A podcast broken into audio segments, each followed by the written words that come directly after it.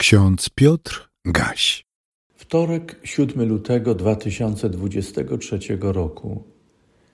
W księdze Izajasza w 55 rozdziale 10 i 11 wersecie czytamy: Jak deszcz i śnieg spada z nieba i już tam nie wraca, a raczej zrasza ziemię i czyni ją urodzajną, tak iż porasta roślinnością i daje siewcy ziarno, a jedzącym chleb, tak jest z moim słowem, które wychodzi z moich ust, mówi Pan. W Ewangelii według przekazu Jana w 15 rozdziale 7 i 8 wersecie czytamy słowa Jezusa.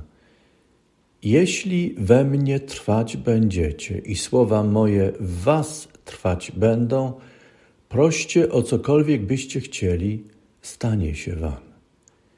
Przez to uwielbiony będzie Ojciec mój, jeśli obfity owoc wydacie i staniecie się moimi uczniami. Deszcz, śnieg, roślinność, urodzajna ziemia, ziarno, chleb. Palestyna to obszar ubogi w wodę Opady deszczu decydują o wielkości i wystarczalności zasobów wodnych. Porę deszczową inicjuje tak zwany wczesny deszcz w październiku. Późny deszcz w kwietniu kończy porę deszczową. Pora deszczowa oznacza w hebrajskim także zimę. Latem deszcz występuje bardzo rzadko.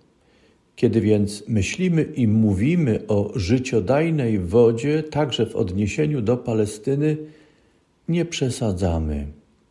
To dobre określenie życiodajna woda.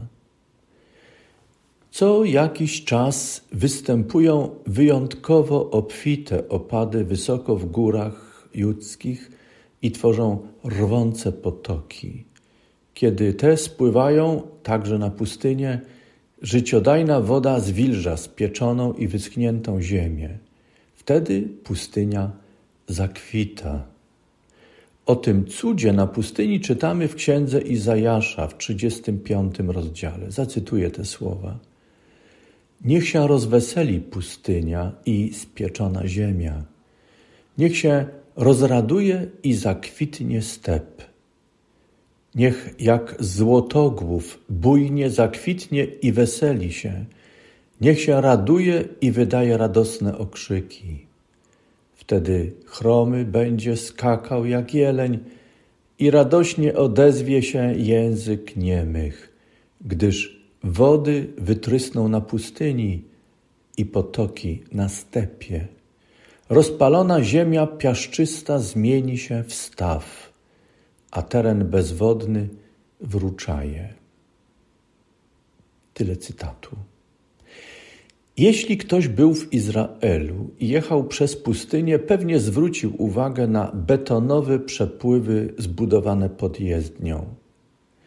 W wyschniętych korytach potoków leżą kamienie i potężne głazy przeniesione przez rwące potoki, powstałe właśnie wskutek wyjątkowo obfitych opadów w górach. Wielkość głazów daje obraz masy i siły spływającej życiodajnej wody. Trzeba wspomnieć także o niebezpieczeństwach wywołanych wielką wodą. Na pustyni toną ludzie i zwierzęta. Tak dzieje się, kiedy ktoś zlekceważy ostrzeżenia przed bardzo obfitymi opadami, a w przypadku zwierząt, kiedy nie zdążą uciec tradycji deszcz we właściwym czasie jest znakiem łaski Bożej. Czytamy o tym m.in. w Księdze Kapłańskiej w 26 rozdziale, czwartym wersecie. Brak deszczu postrzega się jako znak sądu Pana. Czytamy o tym w księdze proroka Amosa w czwartym rozdziale, siódmym i następnych wersetach. Ulewny deszcz z wichrem, burzami i gradobiciem to znak zarówno gniewu, jak i sądu Bożego. Czytamy o tym w księdze Ezechiela w 13 rozdziale, 11 i 13 wersecie. Śnieg jest bardzo rzadkim opadem atmosferycznym w Palestynie. Występuje przede wszystkim w górach Liban i na Hermonie. Jego biel wskazywana jest w tradycji biblijnej jako obraz czystości.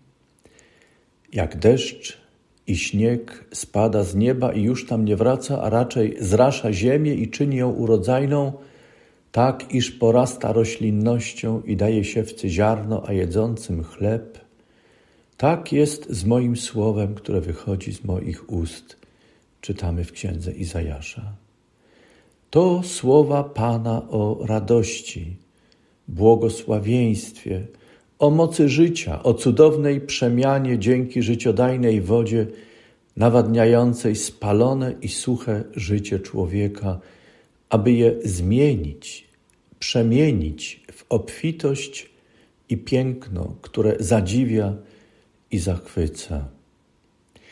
Jezus Chrystus naucza nas, że Słowo Pana inicjuje i buduje więź pomiędzy Nim, Bogiem i człowiekiem.